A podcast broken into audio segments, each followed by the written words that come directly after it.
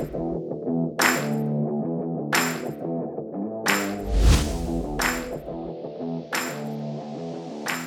dobry, to jest podcast Radio Proza. Ja się nazywam Waldek Mazur i zapraszam do wysłuchania najnowszego odcinka naszego podcastu, którego bohaterem jest Jakub Żulczyk, autor niedawno wydanej powieści Informacja zwrotna. Z popularnym pisarzem, autorem książek, ale także scenariuszy do seriali telewizyjnych rozmawiał dyrektor Międzynarodowego Festiwalu Kryminału Irek Green. Miłego słuchania.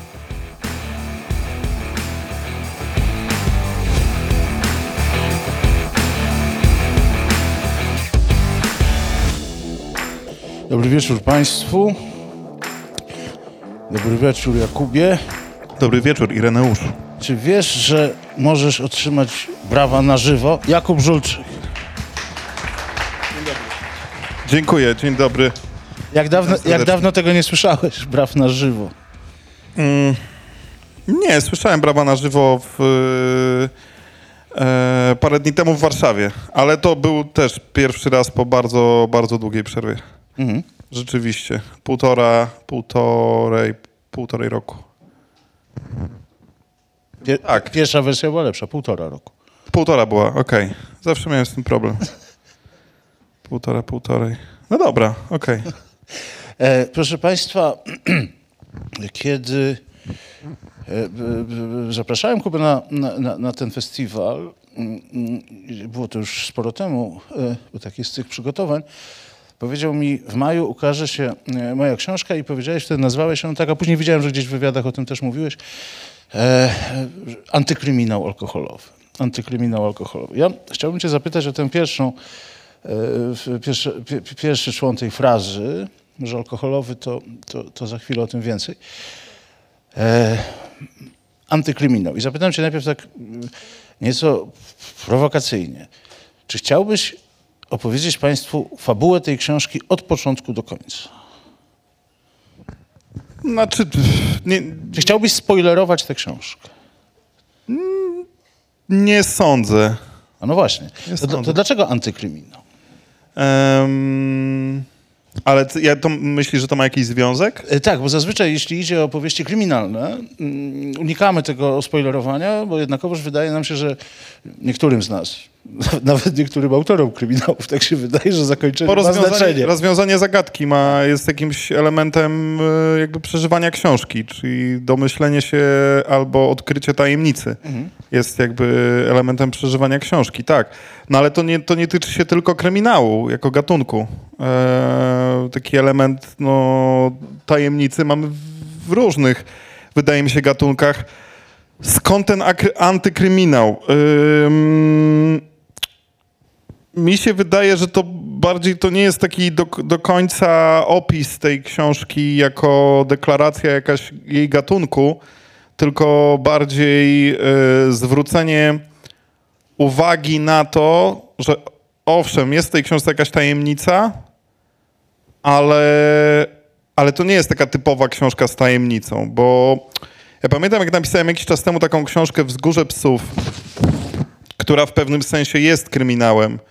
Być może. Nie wiem, mi trudno powiedzieć, bo ja tak naprawdę to nie, nie, nie umiem klasyfikować swoich książek gatunkowo i, i to stwierdzenie antykryminał też jest na jakimś takim poziomie dowcipem z tego, że ja tak naprawdę nie umiem tego robić, a przynajmniej się nie zastanawiam nigdy, kiedy zaczynam pisać książkę, w jakim ona ma być obszarze gatunkowym, bo, bo też czuję, żeby mnie to jakoś po prostu ograniczało. Ale kiedy wydałem książkę Wzgórze Psów, której gdzieś tam do dzisiaj chyba ze wszystkich moich książek jest gdzieś tam najbliżej do kryminału. Też tak jak pamiętam, co pisali o niej różni krytycy. Sendecki napisał, że to jest najlepszy polski kryminał dekady, więc na przykład przyjmijmy, że Sendecki ma rację przynajmniej w tej kwestii, że to jest kryminał. Nie może czy najlepszy, czy dekady, to to już niech to po prostu zawiśnie jako opinia w powietrzu, tak jak każda inna, inna opinia, ale przyjmijmy, że on ma trochę rację z tym kryminałem. Więc ta książka była komentowana i, i mówię o Wzgórzu Psów, komentowana i sprzedawana jako kryminał i dużo ludzi w takim pierwszym, że tak powiem, rzucie czytelniczym poczuło jakieś tam rozczarowanie, bo spodziewali się jakby książki bardziej zbliżonej do jakiegoś takiego bardziej takiego powiedzmy medianowego, kryminalnego opowiadania, a tu dostali książkę, która jest bardzo długa i która momentami jest dosyć statyczna i która w wielu miejscach jest bardziej opisem jakiegoś miejsca, społeczności, relacji międzyludzkich albo jakiejś sytuacji takiej e, socjospołecznej, a dopiero gdzieś tam to mistery, ta, ten, to, to pytanie, co się stało, mówiąc w skrócie, kto, kto umarł i kto zabił i dlaczego, jest gdzieś drugorzędne. I bardzo dużo ludzi jakby było rozczarowanych z takiego powodu, że po prostu dostali co innego niż myśleli, że dostaną. Więc przy informacji zwrotnej, która gdzieś tam też jest do tego wzgórza psów gdzieś tam zbliżona w jakimś tam sensie, to, to ja chciałem tym terminem jakby ostrzec, że okej, tu jest też zagadka, tu będzie jakieś mistery, tu będzie jakieś pytanie, tu będzie jakaś tajemnica, ale to nie będzie jakby standardowa taka opowieść, po jaką sięgacie, kiedy na przykład chcecie przeczytać właśnie kryminał, w sensie jakąś powieść opartą na jakiejś zagadce, tajemnicy i tak dalej. Natomiast w ogóle, co mi się wydaje, tak naprawdę już gatunkowo, to jeśli już miałbym jakoś te swoje książki klasyfikować, to wydaje mi się, że informacja zwrotna razem z dwoma z poprzednimi moimi książkami, czyli ze Ślepnąc od świateł i ze Wzgórzem psów, celowo nie liczę tutaj mojej przedostatniej książki Czarne Słońce, bo ona jest gdzieś tam czymś zupełnie innym, ale jakby, że Ślepnąc od świateł, Wzgórze i właśnie informacja zwrotna mogą gdzieś tam przynajmniej dla mnie, nie muszą wcale dla państwa, tworzyć coś w rodzaju takiej trylogii noir. I ja uważam, że tak naprawdę gatunkowo wszystkie te książki to jest noir. I w tym sensie, jak ja definiuję noir. I tak jak ja ten gatunek bardzo gdzieś tam też lubię i jest mi bliski, ponieważ jakby istotą noir nie jest dla mnie, że to, że bohater zaiwania w prochowcu albo że pali dużo papierosów, tylko istotą noir jest to, że jakby tym źródłem zła jest cały świat przedstawiony. W sensie, że cała struktura świata jest tak przeszyta demoralizacją, jakby i pewnym takim jakimś relat- re- relatywizmem moralnym i jakby jest tak skorumpowana, że to, co jest patologiczne, stało się już normą. I jeśli pojawia się jakiś bohater w tym świecie, który powiedzmy jest również skażony przez ten świat, a to jest taki standardowy bohater noir, Marcin Kania z informacji zwrotnej trochę nim nie jest, ale zaraz do tego dojdziemy, ale jest ten standardowy bohater noir, który też, też jest taki zarażony przez ten świat, ale jednak gdzieś tam ma jakieś, jak to się dzisiaj mówi, resztki rikczu, to, to on jest w tym świecie ewenementem z tym swoim resztką rozumu i resztką godności człowieka, a on jest tą muchą na plakacie. W odwrocie od takiego standardowego bardziej opowiadania kryminalnego, w którym to zło jest patologią i trzeba je wyeliminować albo poskromić, żeby przywrócić jakąś równowagę, równowagę świata. Także w tym sensie mógłbym ja powiedzieć, że te książki to jest jakiś taki współczesny noir.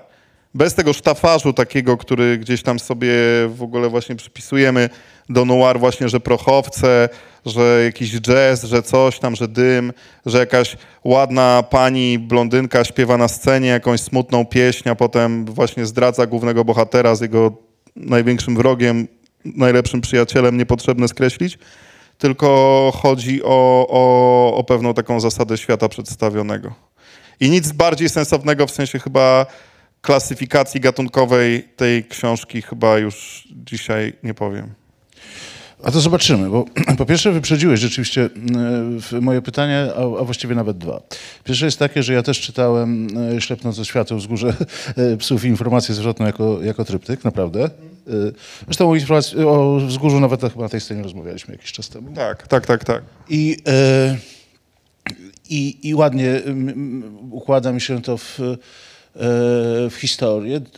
Dwa, uprzedziłeś pytanie o noir w tym sensie, że jeżeli patrzeć na to jak na tryptyk, to e, twój świat, e, świat twoich bohaterów, w tym wypadku twojego bohatera, bo tutaj mamy narrację pierwszoosobową i tak dalej, e, w, m, że ten świat jest w coraz większym rozkładzie, właśnie jak, e, właśnie jak w powieści noir. Ten rozkład jest coraz większy i coraz tak jakbyś szukał tego dna i, i, i- za każdym razem widział, że ono jest jeszcze dalej, jeszcze dalej, jeszcze dalej, warto o tym, warto o tym mówić. Taka moja e, osobista refleksja e, w, w, czy- czytelnicza, nie, nie, nie moderatorska, jest taka, że jeśli ja miałbym sp- e, spośród tej e, trylogii wybrać swoją ulubioną powieść, to byłaby ta. To byłaby ta. E, Ale dobrze, do, do tego dojdziemy. Po, po, pogadajmy chwilę o tym, e, o tym e, przepraszam, Pogadajmy chwilę o tym nuarze. Okładka śliska. No właśnie, jakąś masz taką... Ja tu sobie zaznaczyłem ważny fragment. Już. Jestem z powrotem. Pogadajmy chwilę o tym nuarze, bo świat bohaterów tej powieści. Przed, chwilą wysłuchaliśmy wykładu Piotra Kowty o, o alkoholu w e, nuarze. To jest oprócz tych papierosów, prochowców, fan fatal, e, to jest, to jest oczywiście również świat alkoholu i to w dość istotnej, e, w dość istotnej kwestii. Ale więcej, więcej za, za, zasysasz z tego, z tego gatunku, ym, czy tego typu, z tego typu właściwie powieści, nie gatunku, y, zasysasz tego bohatera pierwszoosobowego, co jest na przykład niezwykle istotne, dlatego że e, bohater pierwszoosobowy ma to do siebie, teraz chwilę o Marcinie Kani, o bohaterze tej książki. E, Bohater pierwszoosobowy ma to do siebie, że mm, mm, mm, ciężko jest złapać taką strategię narracyjną, która pozwoli nam zobaczyć cokolwiek innego e, niźli, niźli on widzi. I teraz ty, twój bohater jest, jak sam mówi na, e, e, twój bohater jest, jak sam mówi, na grupie wsparcia alkoholikiem, lekomanem, hazardzistą i seksoholikiem. E, ty dokładasz taką.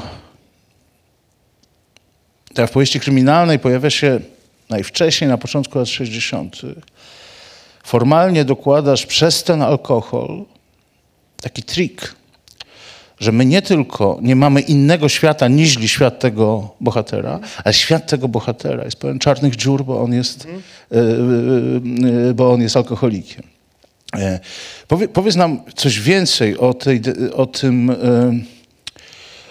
o tej jego postawie, bo o ile ten zabieg jest znakomity, czyli mówi się w tej książce, wszyscy to wiemy, alkoholik składa się z czarnych dziur, tak?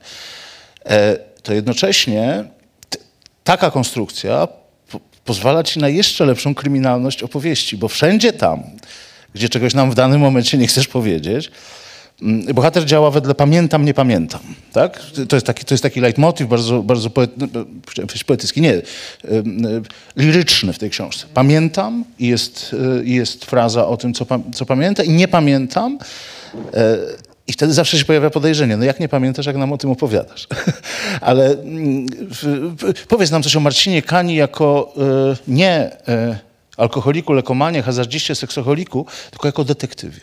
Z całym tym sztafarzem dziur w głowie i tej próby dojścia do prawdy. To w- ja bardzo lubię taką figurę pierwszego, pierwszoosobowego narratora, który jest niewiarygodny. W ogóle, który do końca nie wie, co się dzieje. I ja trochę też użyłem tego, tego typu bohatera. Tego typu bohater też jest ślepnąc od świateł, tylko to nie jest tak ewidentne jakby w informacji zwrotnej, bo jednak tamten bohater, Jacek w książce, Kuba w serialu jest cały czas świadomy, a przynajmniej do pewnego momentu. I to jego w rzeczywistości ten, ten to, to ta jego niewiarygodność polega bardziej na jego takim błędzie poznawczym, który ma w stosunku do świata. Powiedzmy na tym, że on, jego ideologia gdzieś tam, którą on wyznaje, powiedzmy, na temat świata, nie przystaje do rzeczywistości i z tego powodu, chodzi, w skrócie mówiąc, czytam tę książkę i nagle orientujemy się, że on mówi bardzo przekonujące, ale jednak głupoty i te głupoty doprowadzają go w, w skrócie do tych wszystkich problemów, które w, te, w, w tempie takim arytmetycznym rosną w trakcie książki. A w informacji zwrotnej dochodzi jeszcze coś takiego, że właśnie ten bohater jest niewiarygodny, ponieważ on nie pamięta kompletnie tego, co się stało i on jest tak naprawdę detektywem własnej pamięci. On musi odkryć to w ogóle, co się wydarzyło. To jest największą jego zagadką. I Wiesz, ja nie ukrywam, że ta książka jest oparta gdzieś tam na moich własnych też doświadczeniach z leczeniem się z alkoholu, trzeźwieniem i tak dalej. One, ta książka nie jest odwzorowaniem moich doświadczeń bynajmniej jeden do jeden, ale też gdyby nie moje doświadczenia, ona by nie powstała. Gdyby nie one, chociażby po prostu gdyby nie one, ja nie, nie miałbym chyba jakiejś ani potrzeby takiej książki napisać, albo nawet nie wiem, czy miałbym na nią pomysł. Natomiast pierwszym takim impulsem było to, że kiedy ja przeszedłem ten proces leczenia, i obserwowałem w nim zarówno siebie, jak i koleżanki i kolegów, których gdzieś tam poznałem, to zobaczyłem, że ten proces leczenia w dużej mierze polega właśnie na byciu takim detektywem w sprawie samego siebie. I w dużej mierze polega właśnie na przeprowadzeniu takiego powiedzmy śledztwa, co tak naprawdę się w swojej, w mojej przeszłości bliższej bądź dalszej wydarzyło i spojrzeniu na to z zupełnie nowej perspektywy po to, aby zrozumieć jakby istotę swojego problemu z nałogiem i też skąd w ogóle ten problem się wziął, bo ten problem nigdy się nie bierze z próżni, tylko bierze się zawsze z czegoś, co tam jakoś się odkrywa. I ta, ten proces już w trakcie, jakby oprócz tego, że no, poznałem tam mnóstwo bardzo fajnych i też niezwykle barwnych ludzi, usłyszałem też mnóstwo niezwykle barwnych, ciekawych historii, z których mógłbym jeszcze napisać w tym momencie następne pięć książek. To, to jeszcze ten proces takiego dochodzenia do prawdy, no bo taka terapia leczenia uzależnień, w ogóle terapia, proces terapeutyczny jest procesem dochodzenia do prawdy i proces terapeutyczny w tym samym jakby świetle wydaje mi się czymś pokrewnym właśnie śledztwu, wydaje mi się pokrewny dochodzeniu i, i, i nie- niebywale to, to mnie zainteresowało. I oczywiście w przypadku Marcina Kani jest coś jeszcze, bo tu się ewidentnie już na początku książki wiemy, że stało się coś złego, a on kompletnie nie wie co. I on musi gdzieś tam w swoim bardzo takim wąskim zakresie możliwości dojść do tego, co się stało z jego synem, ale też nagle nie tylko co się stało z jego synem, w sensie gdzie on jest, bo to już wiemy od pierwszych stron książki, że jego syn zaginął i że Kania był ostatnim człowiekiem, który go widział, tylko że po prostu kompletnie tego nie pamięta. Tylko jeszcze co się stało z jego synem w perspektywie całego jego życia. Więc spodobało mi się, jakby te, detektyw Kania jest detektywem, ale jest detektywem, który śledzi po prostu samego siebie. On jest trochę w pewnym sensie jak bohater książki. Philip Dick miał kiedyś taką książkę przez ciemne zwierciadło, w której był bohater, który po prostu miał rozdwojenie jaźni i który po prostu był detektywem narkotykowym i śledził samego siebie, po prostu jakby swoją dru drugą mieszkającą w nim jaźń, która, która po prostu handlowała narkotykami. Na tym polegał po prostu polegał genialny swoją drogą pomysł na, na, na tę książkę, że jedno ciało za, zamieszkują dwie jaźnie, jedna jest detektywem, druga jest złoczyńcą. I to jest trochę w pewnym sensie case Marcina Kani. Także jakby mnie poza tym zawsze interesowało w literaturze, bo informacja zwrotna jest jeszcze kontynuacją takiego jeszcze jednej rzeczy, która mnie zawsze ciekawiła. Bo jeśli ja sięgałem, a sięgam, mieszkam w pewnym sensie w literaturze, którą można nazwać gatunkową, jakby stoję tam na pewno mocno jedną nogą i być może kawałkiem drugiej. Ale co zawsze mnie ciekawiło w literaturze takiej gatunkowej, to jednak jakiś wymiar egzystencjalny. W sensie, i do tego, dlatego też lubię pier, e, pierwszoosobowego narratora, bo jeśli ja mam napisać scenę jak z horroru, w której kto kogoś przez las goni, nie wiem, potwór z maczetą, mówiąc w skrócie, to mnie naprawdę interesuje na poziomie jakimś w ogóle duchowym i jakimś takim nawet ontologicznym, co czuje ta osoba goniona przez potwora z maczetą. I wydaje mi się, że informacja zwrotna jest jakąś w ogóle tutaj, można powiedzieć, kulminacją tych zainteresowań. Bo jest to książka, która ma oczywiście strukturę takiej, takiej mi- mistery, można powiedzieć, że ona ma strukturę w pewnym sensie takiego kryminału, ale, ale tak naprawdę dotyczy jakiejś takiej niebywale ludzkiej, bardzo bazowej tragedii, chyba jakąś takiej największej tragedii, jaką można przeżyć, czyli po prostu tragedii jakby straty swojego życia i takiego obudzenia się po fakcie. Tu, tu jest więcej, więcej tragedii. Tu mówisz o największej stracie swojego życia, ale e, t- t- t- to, to najbardziej poruszające to jest ten moment, kiedy rozum, Marcin Kania rozumie, że stracił swoje życie dopiero wtedy, kiedy stracił syna. Czyli, no, prawda? Tak. Do tego bym chciał jeszcze wrócić, bo to jest, to jest w ogóle cała opowieść przemocowa o pijaństwie w domu, prawda? O alkoholikach w domu. To, to w tym sensie, ale w bardzo dobrym sensie, bo to jest w Polsce, co teraz powiem, że nacechowane semantycznie, to jest powieść z tezą, w, w ta, ale jeszcze raz powiem, w takim bardzo dobrym y, sensie. Każda moja książka to jest książka z tezą. I ja absolutnie się tego jakby nie, nie wypieram i okej. I co więcej, ja też nauczony przez też w ogóle pracę taką scenariuszową, czyli nauczony przez to, przez taką bardzo to, że ja pracuję w różnych mediach, dało mi taką szansę na to, aby patrzeć na daną historię, daną narrację w taki bardzo bazowy, podstawowy w ogóle taki archetypalny sposób. I nie ma tego trochę za bardzo w literaturze, ale w ogóle w, na przykład w scenopisarstwie jest tak, wczoraj mówiłem o tym na spotkaniu z Wojtkiem Miłoszewskim, że kiedy i z Magdą Parys, że kiedy przychodzisz do producenta z jakimś pomysłem na coś, treatmentem i tak dalej, to rozumny producent zawsze pierwszy zada ci pytanie, a po co ty właściwie chcesz tę historię opowiadać? To jest też pytanie, które uważam wydawcy powinni dużo częściej zadawać autorom, kiedy ci im przynoszą pomysły na książki, bo kiedy na przykład przynosisz pomysł na film, no to z racji tego, że jednak produk- wyprodukowanie filmu kosztuje dużo więcej niż książki, to często zaczynam od bardzo bazowych pytań. Po co ty w ogóle chcesz to opowiedzieć? I chodzi o to, że każda dobra historia ma tezę. Ja, ja myślałem, że my się trochę o tę kryminalność będziemy spierać, ale w tym, co powiedziałeś, do tej pory nie musimy.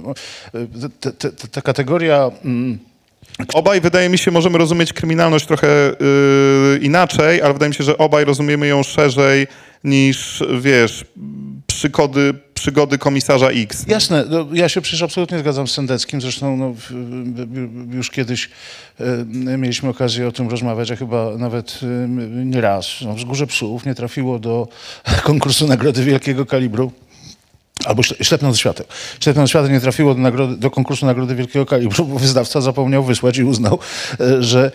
A później się nagle okazało, że gdyby ta książka w tamtym roku, e, to był 2014-15, e, trafiła, to, no, to na pewno znalazłaby się w siódemce nominowanych, nie wiem co dalej nawet. Więc ja się na przykład... A, Stendecki był wtedy jurorem, dlatego o tym mówię, bo, bo, bo, ja myślę o kryminale jak Marcin Stendecki. To znaczy ja myślę o nim podobnie jak ty, w sposób absolutnie poszerzający eksplorujący najdziwniejsze rzeczy. Ale on, się, on sam jako gatunek sprowadza się też do, do, do, do, kilku prostych zagadnień e, i ty je oczywiście świetnie czujesz. Tak samo jak, e, wiesz, znakomicie czujesz fantastykę czy grozę. Znaczy dla ciebie zabawa i eksperyment z tymi, z tymi gatunkami, znaczy my nazywamy to zabawą eksperymentem, a tak naprawdę w twoim wypadku, w twoim pisarstwie jest to mm, ekspandowanie, to jest po- poszerzanie, takie, roz, wiesz, czasem, czasem brutalne łokciami, czasem subtelne, w zależności od dynamiki pisarskiej czy charakteru powieści.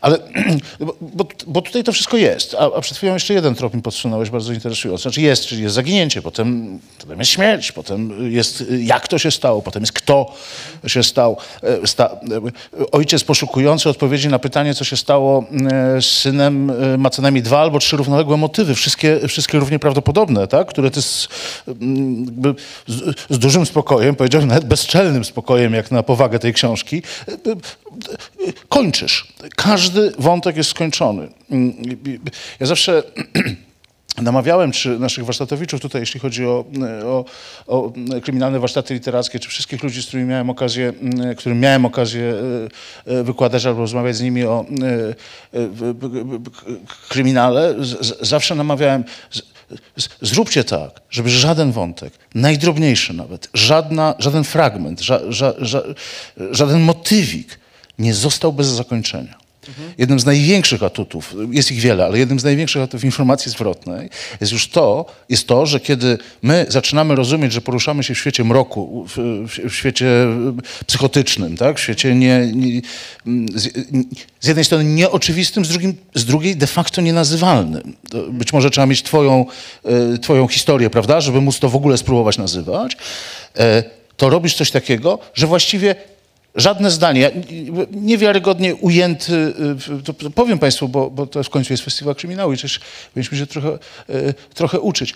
Y, W jednej z pierwszych scen, co jest dobrą, dobrym podprowadzeniem chyba największego strachu bohatera, że to on mógł zabić prawda, swojego syna, jest fakt, że bohater ma poplamioną krwią koszulę.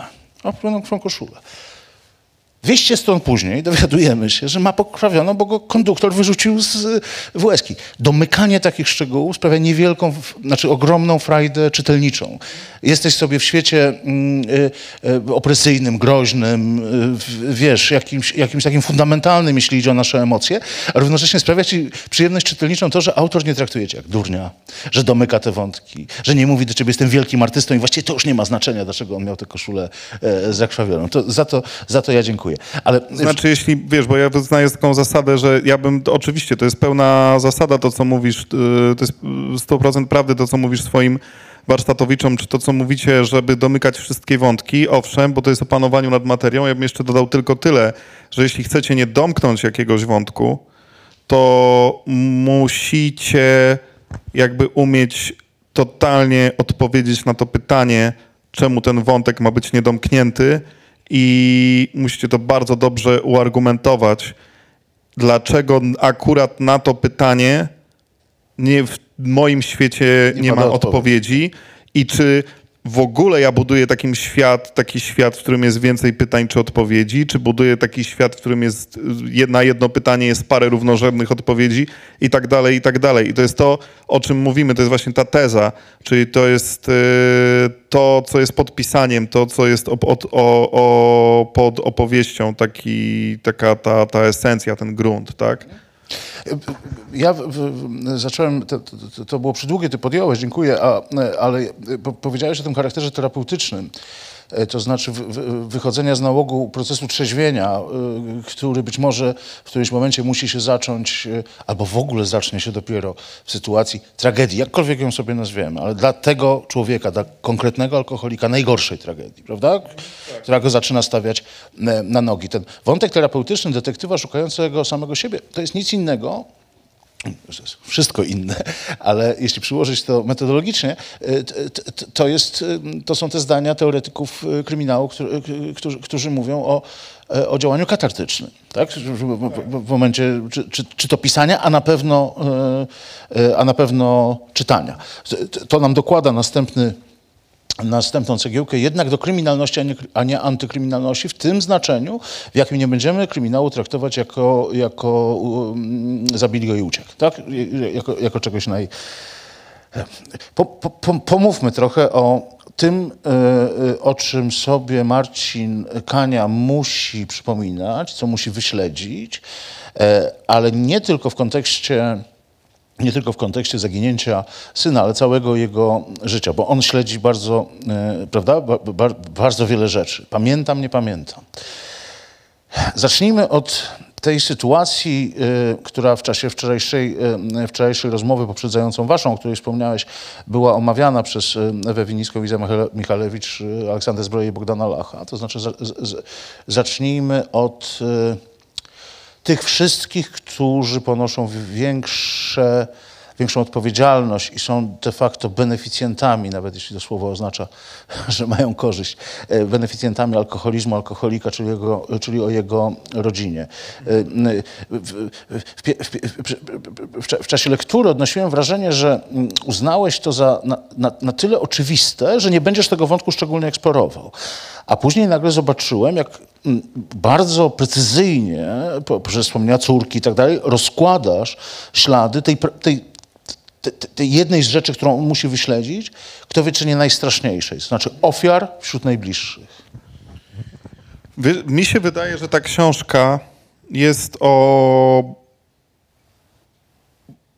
o dwu, on, to jest książka o dwóch uzależnieniach w ogóle, nie? Tak mi się wydaje, że to jest książka o uzależnieniu od alkoholu i to jest książka o uzależnieniu od pieniędzy, czyli to jest książka o chciwości. I oba te uzależnienia gdzieś w, też się w tej opowieści rymują i komplementują. I też jest to książka trochę o takiej, to o czym ty mówisz, jest takim moim zdaniem sednem uzależnienia, sednem nałogu. Bo co robi nauk?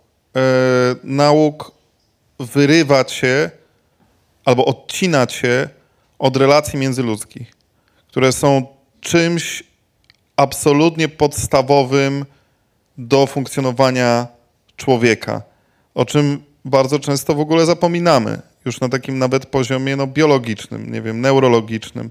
Dzieci małe, niemowlęta, które nie są dotykane, głaskane, zaczynają bardzo ciężko chorować, wiesz. I to robi nauk. Nauk wyrywa cię z jakichkolwiek głębszych relacji z drugim człowiekiem, wybi- wybi- wybija cię jakby z, po, ze wspólnotowości, czyni cię takim uszkodzonym, po prostu samotnym, chorym podmiotem. I wszystkie relacje, które masz, są pretekstowe wtedy.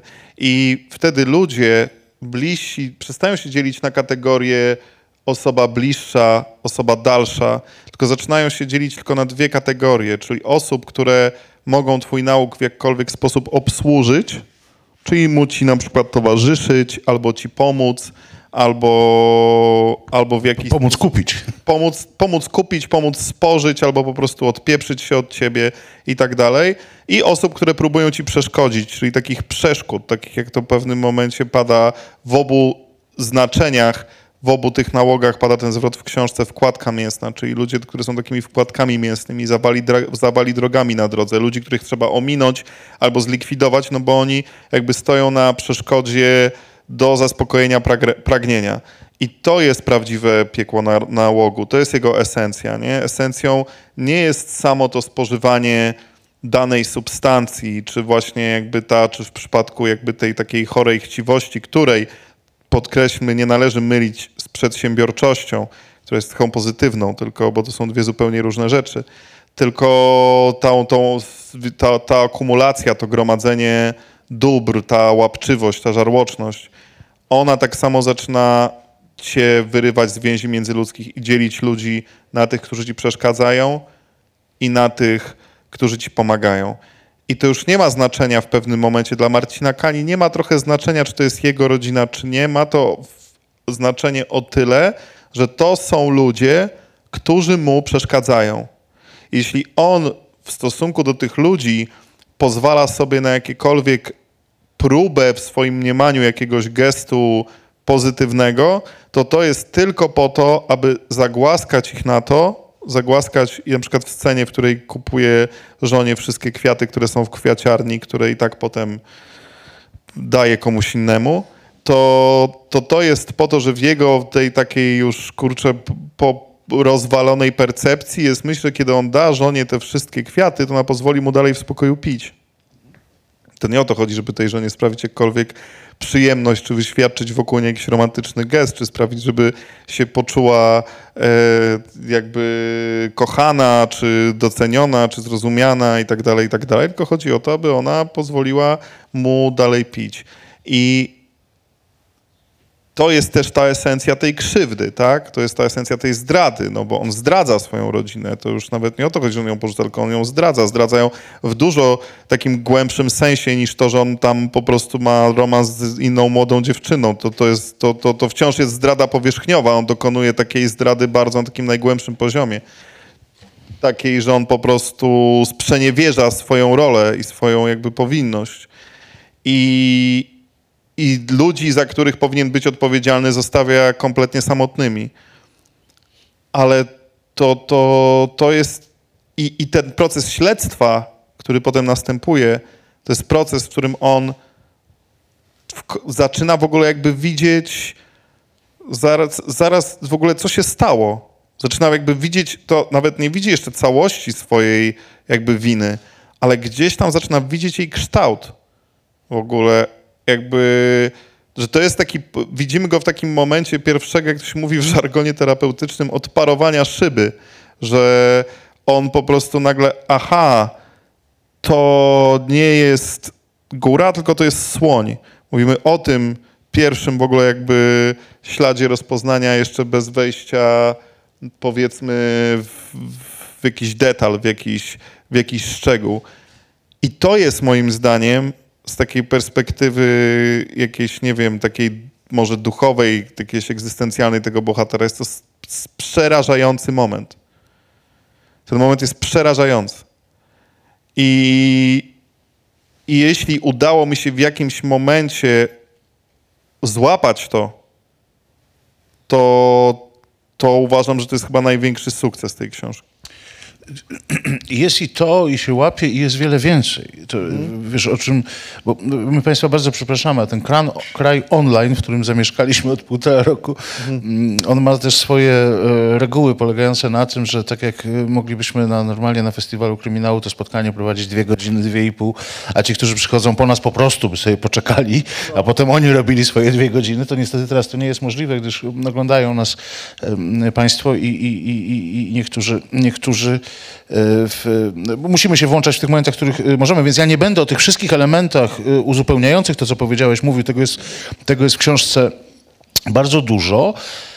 Jednym z nich, o którym chciałbym powiedzieć, bo bo jest bardzo istotny też dla, dla, e, dla fabuły, to jest to ten niezwykle pogłębiony, znaczy niezwykle pogłębiony, no to ka- każda psychologia jest pogłębiona, nie ma niepogłębionej psychologii, ale to jest taki, Jest popsychologia, można tak powiedzieć, ale nie, też nie mamy czasu Nie trzymaj- nie, na, tak. na tego typu dygresje. No. Więc jest, y, jest coś takiego, że mm, pojawia się możliwy inny motyw zaginięcia i śmierci e, syna, e, związany z jego działalnością e, w Stowarzyszeniu Lokatorów i który, ja odnoszę takie wrażenie, dla Marcina, szukającego siebie w tej całej sytuacji, jest w ogóle ideą wybawiającą. Tak? Bo gdyby się okazało, że powodem tego zaginięcia, śmierci w, kon- w konsekwencji są sprawy zewnętrzne, obiektywne, to fakt, że stracił syna przestaje mieć znaczenie. Ważne jest to, że nie on jest, y, że nie on jest winien. I ty poświęcasz tej, y, te, te, temu wątkowi dużo miejsca, y, dużo miejsca w książce. Y, On się też wiąże z tym, co powiedziałeś o chciwości. On się, y, on się wiąże z faktem, że Marcin inwestował pieniądze w, w mieszkania i i e, w jakimś sensie brał udział e, w e, czymś, co znamy w, w, w Polsce jako afera reprywatyza- reprywatyzacyjna w Warszawie. I teraz e, ja muszę cię o ten wątek zapytać, bo mm, o ile mówisz, e, w, mm, czy, czy też na stronie redakcyjnej, na kolofonie, wydawca pisze wszelkie, mm, wszelkie e, podobieństwo do osób żyjących, do wydarzeń, e, które miały miejsce, e, jest przypadkowe. O tyle jak sądzę, to, to, to co piszesz tutaj o możliwych śmierciach, mm, i nie mówię tutaj tylko o pani Kalskiej, która jest jakimś, jakimś lustrzanym odbiciem pani Brzeskiej, prawda? Tylko ty- ta książka się przez jakiś czas nie chce zdecydować, czy dać, dać twojemu bohaterowi szansę, czy, yy, yy, czy nie dać. Więc y, dwa pytania. Pierwsze jest takie. Yy, czy, czy, ten temat, temat jakiejś gigantycznej niesprawiedliwości społecznej, prawda, która mogłaby doprowadzić do, yy, do tragedii, bo mówimy o tym typie niesprawiedliwości społecznej, był dla ciebie ważny, a dwa, czy moja intuicja, że nie wiem, że sam się wahałeś, y, jak rozwiązać to y, ostatecznie, jest słuszna, czy też nie? Czy jednak y, wiedziałeś, my Państwu nie będziemy spoilerować antykryminału, ale jednak czy, czy wiedziałeś, że to rozstrzygnięcie, które jest oczywiście powierzchniowe i fabularne i nie o nim jest tutaj mowa, ale że ono mm, no, będzie takie, y, wiedziałeś to od początku. Mm, Trudno mi na to, znaczy, co ja, trudno mi jest odpowiadać na pytania w tym momencie, co ja wiedziałem od początku, a czego nie wiedziałem od początku. Ja na pewno nie jestem autorem, który sobie bardzo dokładnie rozpisuje książki.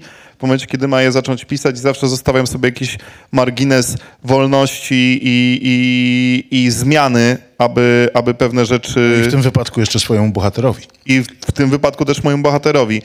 Natomiast, y, znaczy to jest tak, an, może, możemy sobie powiedzieć wprost, że aneks, który jest na okładce, że wszelkie wydarzenia są y, przypadkowe, jest po prostu jakby pewną formą zabezpieczenia y, na na wypadek, gdyby różni ludzie, o których jest, mom, jest mowa, albo których obecność jest gdzieś w książce zasugerowana, nagle mogliby odezwać się e, i, coś, e, i coś na przykład chcieć, bo ci ludzie dalej żyją i funkcjonują i są na wolności i robią interesy i utrzymują, że ich rola w pewnych wydarzeniach była po prostu nie istniała, tudzież wszystko, co zrobili, było zgodne z prawem.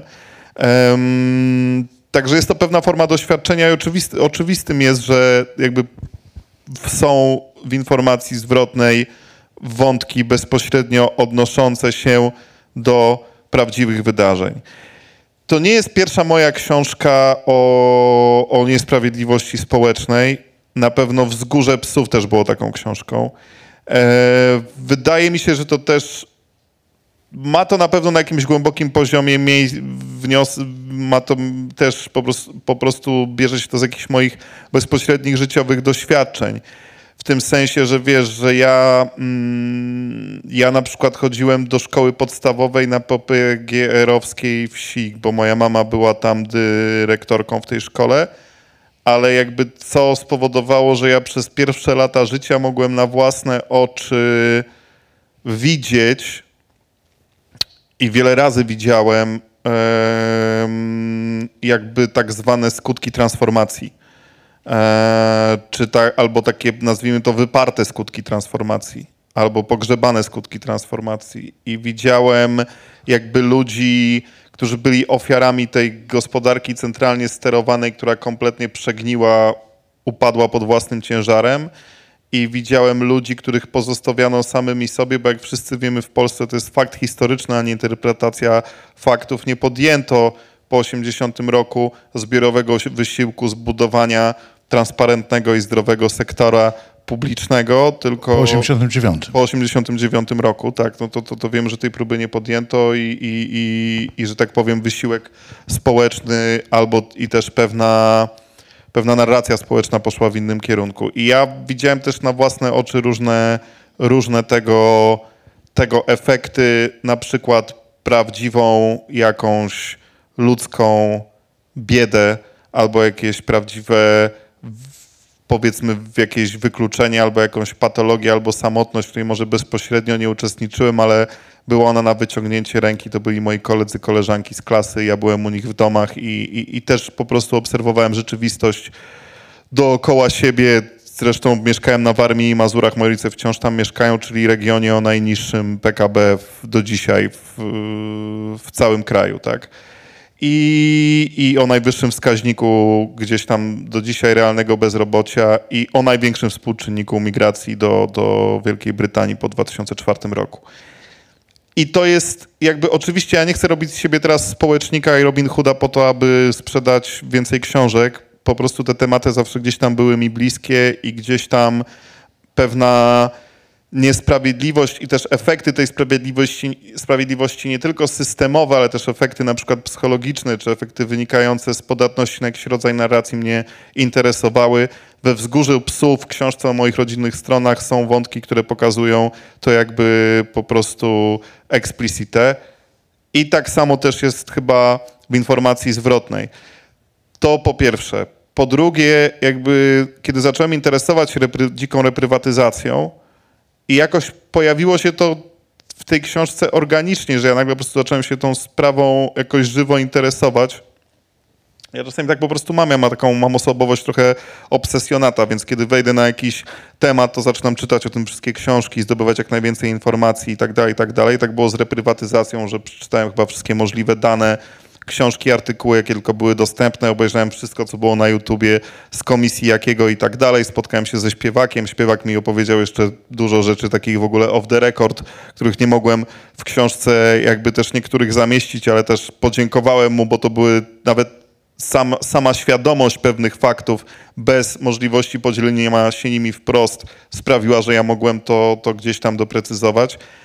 Ale co mnie najbardziej poraziło w tej sprawie, w tym procederze, w tej historii, to właśnie jego, nie chcę teraz brz, zabrzmieć bezdusznie może, ale taka jego literackość w tym sensie, że właśnie to była historia jeden do jednego, jak nie wiem, z Elroya, Chandlera i tak dalej. To była po prostu historia stricte z literatury noir. Pewnie, pewnie. To jest... To była historia i to, to przecież jak czytasz, nie wiem, Elroya, Wielkie Nic, czy, czy, czy LA Confidential i tak dalej, tam są identyczne nawet wątki tych po prostu grubasów, wałków na nieruchomościach, wywalaniu ludzi na bruk, e, sprzedawaniu, obracaniu za bezcen jakimiś gruntami, czy licencjami na wydobycie surowców i tak dalej, i tak dalej. To jest dokładnie to samo, czyli kompletna atrofia, jakby to jest wręcz jedna z cech gatunkowych noir, jakby to, co się rozgrywa na tle kompletnej atrofii sektora publicznego, no bo to o tym to jest. Tak. Noir, noir, to był następny element, który wyprzedziłeś. Noir właśnie się budował na, na y, mimo tych y, y, częściowo wyizol, wyizolowanych, wyalienowanych, nie, nie, nie, nie, nie, niezwykle dowcipnych i przenikliwych bohaterach. Nie, nieprawda. Kiedyś ktoś sobie zadał fajne pytanie o to, a dlaczego oni wszyscy na końcu tak naprawdę poznają te tajemnice, bo ktoś usiadł i im powiedział w barze. Bo, ta, bo tak jest zbudowany noir. Bo to nie miało żadnego znaczenia. Znaczenie, znaczenie tak, miało tak. to, co doprowadziło do tej sytuacji. Zazwyczaj były to rzeczywiście Tak. rzeczy, rzeczy mm, no, trzymajmy się twojego określenia, nie wiem, de- degeneracji sektora publicznego, czyli krótko mówiąc e, e, układu mafijnego, a układ mafijny rozumiemy, jak wiadomo, w ten sposób, że jest to dogadanie się przestępców z władzą. I, Tak. I, i o tym tutaj mówię. Albo sytuacja nawet, w którym po prostu jakby w tej grze przestępcy kontra władza nawet zanika się ta granica tożsamości, że trochę już nie wiadomo, kto jest władzą, a kto jest przestępcą. No. Tak się, tak się budowała mafia. E, Proszę Państwa, e, nie- my sobie nie możemy odmówić tej przyjemności, e, aby Państwa zapytać, czy chcecie o coś autora zapytać. Ja nie robiłem tego pewnie z rok, więc, więc z przyjemnością Państwu oddam teraz głos. Ty, ty, ty, no jak nic nie powiecie, jak to zwykle bywało kiedyś na spotkaniach, że potem nikt nic nie mówił, prawda, przez jakiś czas, to ja mam przygotowany następny zestaw pytań na godzinę. Mnie jest bardzo przykro, że mogliśmy w tym formacie dotknąć tylko kilku dosłownie wątków tej powieści wie, wie, wie, wie, wielopiętrowej, wielo e, mm, dla czytelnika wielozadaniowej.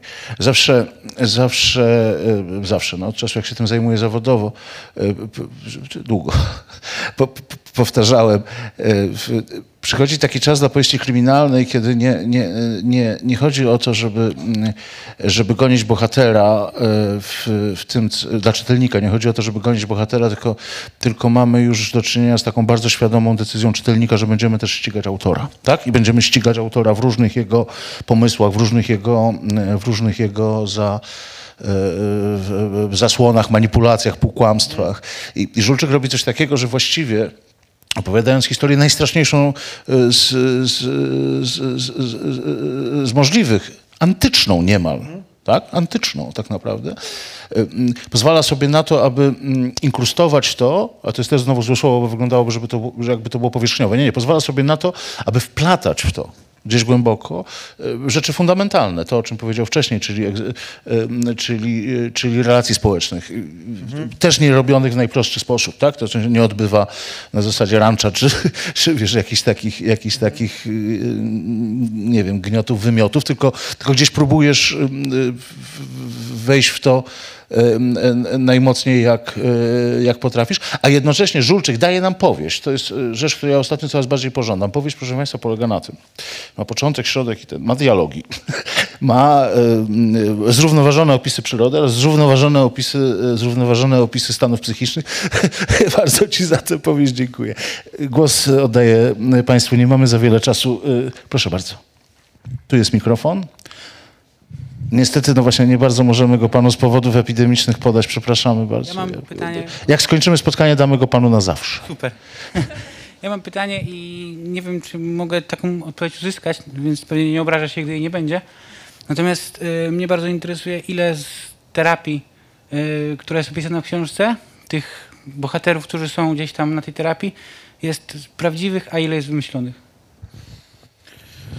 Ojej, to jest pytanie, które dostaję zawsze przy okazji każdej swojej książki. To jest pytanie typu, czy... Yy, znaczy nie obraź się, bo to, no to nie jest... Bo, No, ale to wiesz, jak ciebie. odpowiedzieć. No. Ale nie, no bo to jest takie pytanie typu, czy ty naprawdę handlowałeś narkotykami? Em, z, Ty naprawdę nazwałeś prezydenta tego kraju, nie pamiętam jak. Ty, Słuchaj, no wiesz, nie potwierdzam, nie zaprzeczam. Eee, ale wiem, że to akurat są też takie rejony, w których cokolwiek powiem, może być to użyte przeciwko mnie. Słuchaj, eee, na, odpowiem ci tak, na premierę warszawską, eee, warszawską mojej książki przyszła na moje zaproszenie moja stara grupa z terapii, co sprawiło mi ogromną przyjemność i było też bardzo wzruszające. Zresztą też są dla nich podziękowania na końcu książki. I oni wszyscy przyszli i oni, jak przyszli, to ja im powiedziałem, słuchajcie, jak będziecie czytać tę książkę i ktoś się rozpozna albo poczuje, że się rozpoznał, to ja bardzo starałem się wymyślić zupełnie nowe postaci, które gdzieś tam trochę się z was składają, ale jednak jeśli ktoś poczuje się, że został, że tak powiem, spruty, no to kurczę, niestety, takie są uroki koegzystencji z pisarzem. Em, I to jest taka najmniej moralna część tego zawodu, że ja po prostu wszystko kradnę. Wiesz, i jeśli ktoś przy mnie opowiada dobrą anegdotę, albo dobrą historię, albo dobry żart, albo mówi przy mnie coś osobistego, to mówi to trochę na własną odpowiedzialność i nawet potem, bo to potem może znaleźć się w tym, co ja piszę, nawet nie z premedytacją. Nawet, bo to nigdy nie jest proces myślowy. Okej, ja sportretuję w mojej książce tę osobę nie? To ja teraz po prostu wezmę i ją opiszę, bo na przykład ona jest na tyle ciekawa, że ja muszę z niej zrobić bohaterkę, bohatera. To nie działa tak, ale gdzieś tam te, te, te, te, te, rzeczy, które są w książkach, wynikają po prostu z fermentacji tego, co zostało gdzieś tam przeze mnie przeżyte, zaobserwowane i odebrane. Na pewno to, to, to nie jest to moja grupa terapeutyczna jeden do jednego, ale też wydaje mi się, że tak naprawdę nie ma to żadnego znaczenia. Nie ma to żadnego znaczenia. Czy ja poznałem takiego gościa jak wślepnąc od świateł, czy ja miałem podobne jakby jakieś rozkminki egzystencjalne i wątpliwości i, i lęki, takie jak miał Mikołaj we Wzgórzu Psów, czy, czy ci ludzie z terapii na informacji zwrotnej jakby, wiesz, przypominają tych, których ja poznałem naprawdę, to nie ma żadnego znaczenia, bo ty i ludzie, którzy czytają tę książkę i tak nigdy nie poznają tych ludzi, tak samo jak nigdy nie zobaczą tak naprawdę, jak wygląda jakaś, powiedzmy, głębsza prawda na temat mojego życia, ponieważ ja sam do końca jej nie znam i sam do końca jej nie pamiętam. I po prostu jest ta książka, a ta książka to jest literatura i ja uwielbiam wymyślać historie, dlatego piszę powieści, bo uwielbiam to robić, dlatego piszę scenariusze, bo uwielbiam to robić, chociaż oczywiście bardzo często mnie to męczy, ale ja uwielbiam Owszem, mam jakiś nieśmiały pomysł, żeby napisać prędzej lub później książkę non- non-fiction i nawet mam na to pomysł, co będzie dla mnie jakimś, być może jak na ten moment wyobrażam sobie takie, jakieś takie ogromne wyzwanie, ale uwielbiam w opowiadaniu to, że właśnie ja nie mam tej odpowiedzialności względem do rzeczywistości, że ja nie muszę jakby tłumaczyć się z tego, co jest w mojej książce prawdziwe albo co nie jest prawdziwe, bo to, co jest w niej prawdziwe, a ja uważam, że w tym, co robię, jest w ogóle bardzo dużo prawdy. I uważam siebie jednak za twórcę, który jest, wiesz, real. Ale to nie o to, to, to, to, to, to nie mówimy teraz o, o, o tym, e, o, o faktografii i o związku z tym, co rzeczywiście było, tylko mówimy o, o tym, że gdzieś w tych moich książkach płycej lub głębiej jest zakopane to, co ja naprawdę myślę o świecie i to, co ja naprawdę myślę o ludziach. I to niekoniecznie jest na poziomie tego, że mój bohater w pierwszej osobie mówi, monologuje o tym, co rzeczywiście mi się wydaje na temat świata. Ale rzeczywiście jest w tym, jakby ja ręczę za, za to, co robię w stu procentach. I, i, I wydaje mi się, że to jest właśnie w tym, co robię, to jest ta, ta, ten, to jest ten poziom autentyzmu, którym moi czytelnicy powinni się interesować, a nie to. Oczywiście, że ja zabrałem się za rodzaj opowiadania, że ja wymyślam historie, których nie mógłbym wymyślić w 100% przy biurku. Ale że to, to, to nie jest nie jest to literatura, która jest jakby czystym konceptem. Eee, nie jest to Borges, no. Nie jest, nie jest jakiś nie jest jakiś totalny, po prostu stuprocentowo intelektualny koncept. To, co jest w mojej literaturze silne, to jest ten ślad po przeżyciu. Ale ten ślad jest po prostu jakością sam w sobie. Rozum, rozumiesz, o co mi chodzi? No, to tak, tak mogę ci odpowiedzieć na to pytanie. Tak naprawdę na, na, traktując je na poważnie, no. To jeszcze jedno pytanie możemy, jak sądzę, zadać?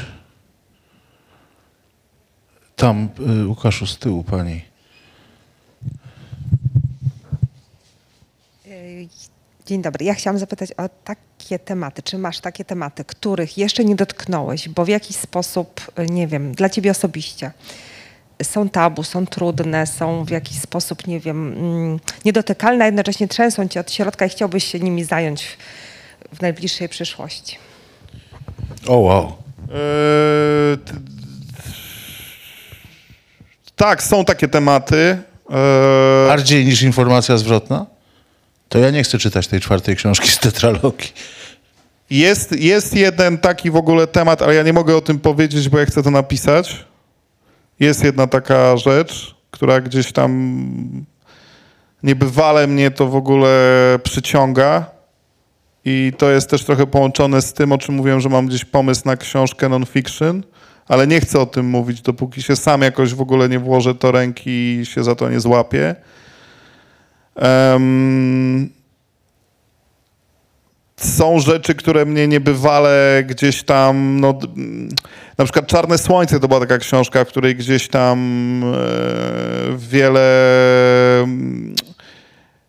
wiele zawarłem, które w ogóle do dzisiaj jest taką książką, którą ja bardzo lubię i zawsze będę ją, miał, ją lubił i siebie lubił. Ja bar, nawet, nawet nie wiem, czy ja lubię tę książkę, ja bardzo lubię siebie za to, że ją napisałem.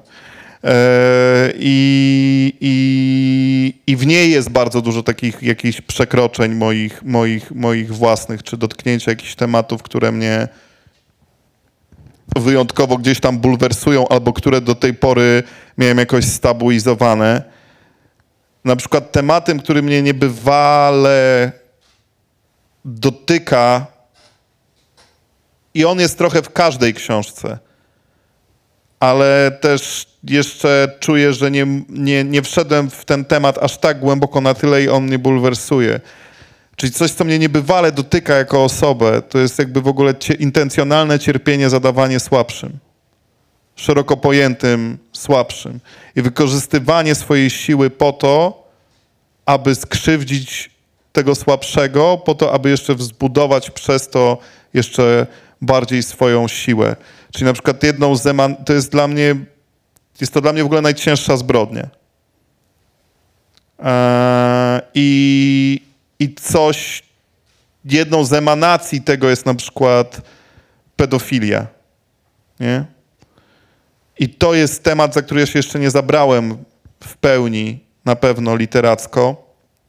Mm, Jest na pewno o, o, jest o pedofilii w Czarnym Słońcu, jest trochę we Wzgórzu Psów, ale ja nie napisałem jeszcze jakby książki o tym.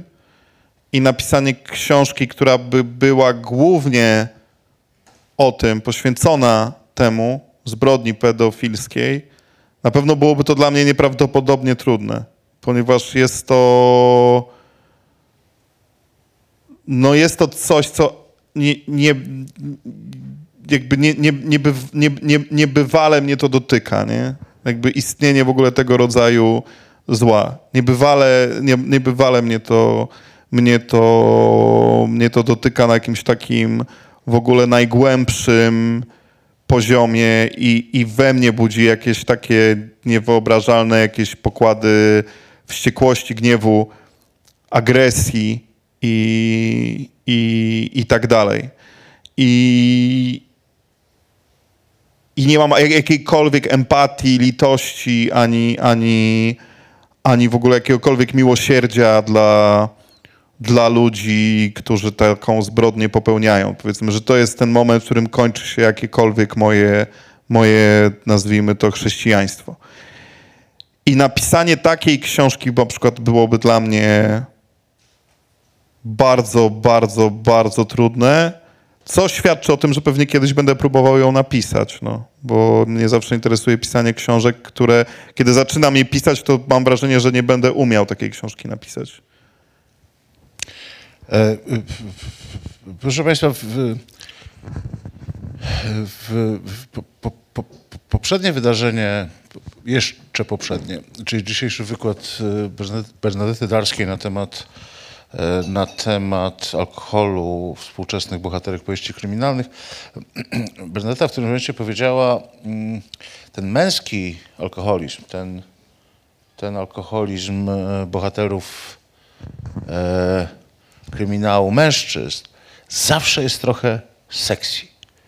Więc ja Państwa zapewniam, że Żulczyk zrobił coś takiego, że, że alkoholizm jego detektywa nie jest sexy w żaden e, sposób. To jest coś, co zrobiłem, muszę ci powiedzieć, z pełną premedytacją i pełną intencją. Jest taka fascynująca książka, którą Państwu bardzo polecam. Są też świetne artykuły Iwony Kurz w dwutygodniku, z którą rozmawiamy w naszym podcaście Co ćpać po odwyku. To też polecam w ogóle to, to, co pani profesor ma do powiedzenia na temat tak zwanej antropologii picia w Polsce. Ale coś zbieżnego do Iwony Kusz pisze też taka autorka amerykańska, której książka była dla mnie bardzo ważna podczas pisania amerykańskich informacji zwrotnej. Jest taka autorka, ona się nazywa Leslie Jamison i ona napisała taką wspaniałą książkę The Recovery. Mam nadzieję, że ktoś ją po, po, na polski przetłumaczy. I to jest taka książka, w którym ta, ta autorka, ona pisze, to jest no, relatywnie no, no, młoda kobieta, tak, bo to jest autorka w moim wieku tak, yy, i, i, gdzieś tam nawet o podobnym doświadczeniu. I to jest, yy, ona pisząc o, o, o swoim właśnie też, bo to jest taka eseistyczno-krytyczna książka, ona pisząc o swoim doświadczeniu wychodzenia z nałogu, równocześnie kreśli, jakby taką pisze biografię najsłynniejszych amerykańskich, zachodnich e, autorów alkoholowych, czyli bierze się za Hemingwaya, bierze się za Carvera, bierze się za Lauriego, za Charlesa Jacksona, za Bukowskiego i tak dalej.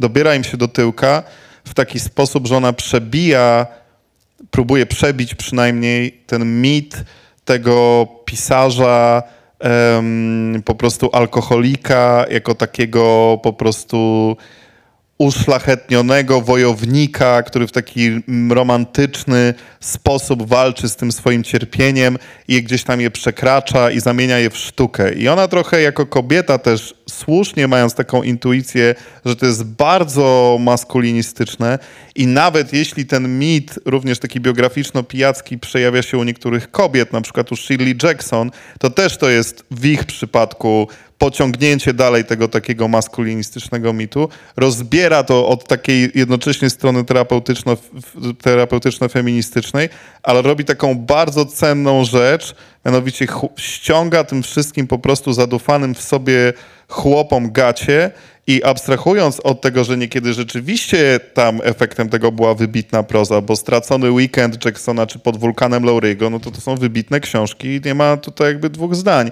Natomiast ona wsadza w to wszystko jakby po prostu kij w to mrowisko i bardzo odbrązawia coś, co też płynie przez polską kulturę.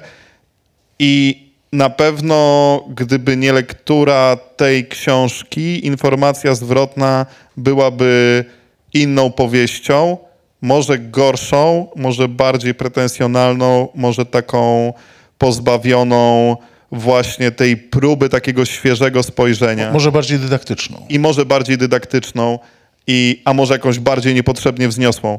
Także na pewno i też polecam na pewno Państwu bardzo serdecznie, serdecznie tę, tę książkę. Mi ona bardzo dużo dała i jako autorowi, i jako człowiekowi i na pewno, na pewno uczyniła moją powieść lepszą. Także polecam to Leslie Jamison, The Recovery. Świetna rzecz. Szanowni Państwo, y, Festiwal Kryminału ma y, lat 18. y, Któraś rozmowa o alkoholu, i z której jasno wynika, że po prostu nie, nie pijmy. Ale ja sobie przypominam taki, y, taką książkę. Nie, pijmy, jak powiedział, znaczy ja to ja nie piję, bo, bo ja już nie chcę i nie mogę, ale jakby też ja jestem.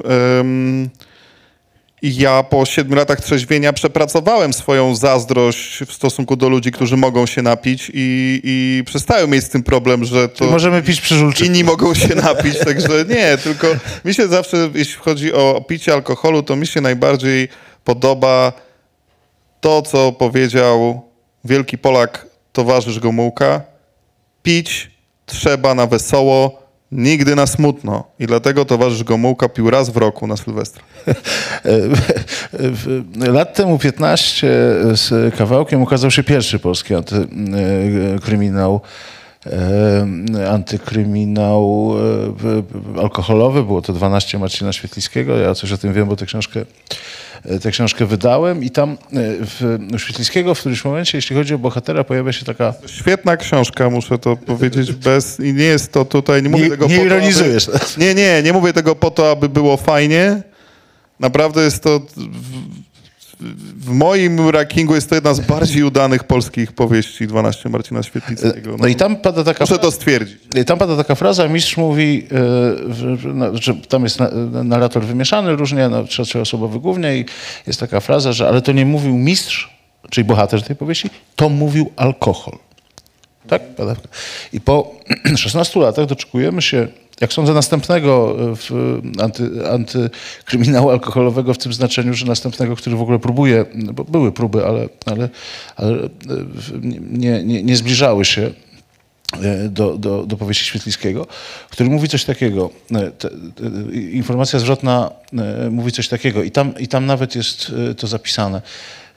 I będzie, jeśli chodzi o te alkoholowe frazy, mm, tak jak ta, to nie mówił mistrz, to mówił alkohol, będzie dla mnie teraz też niezwykle istotna.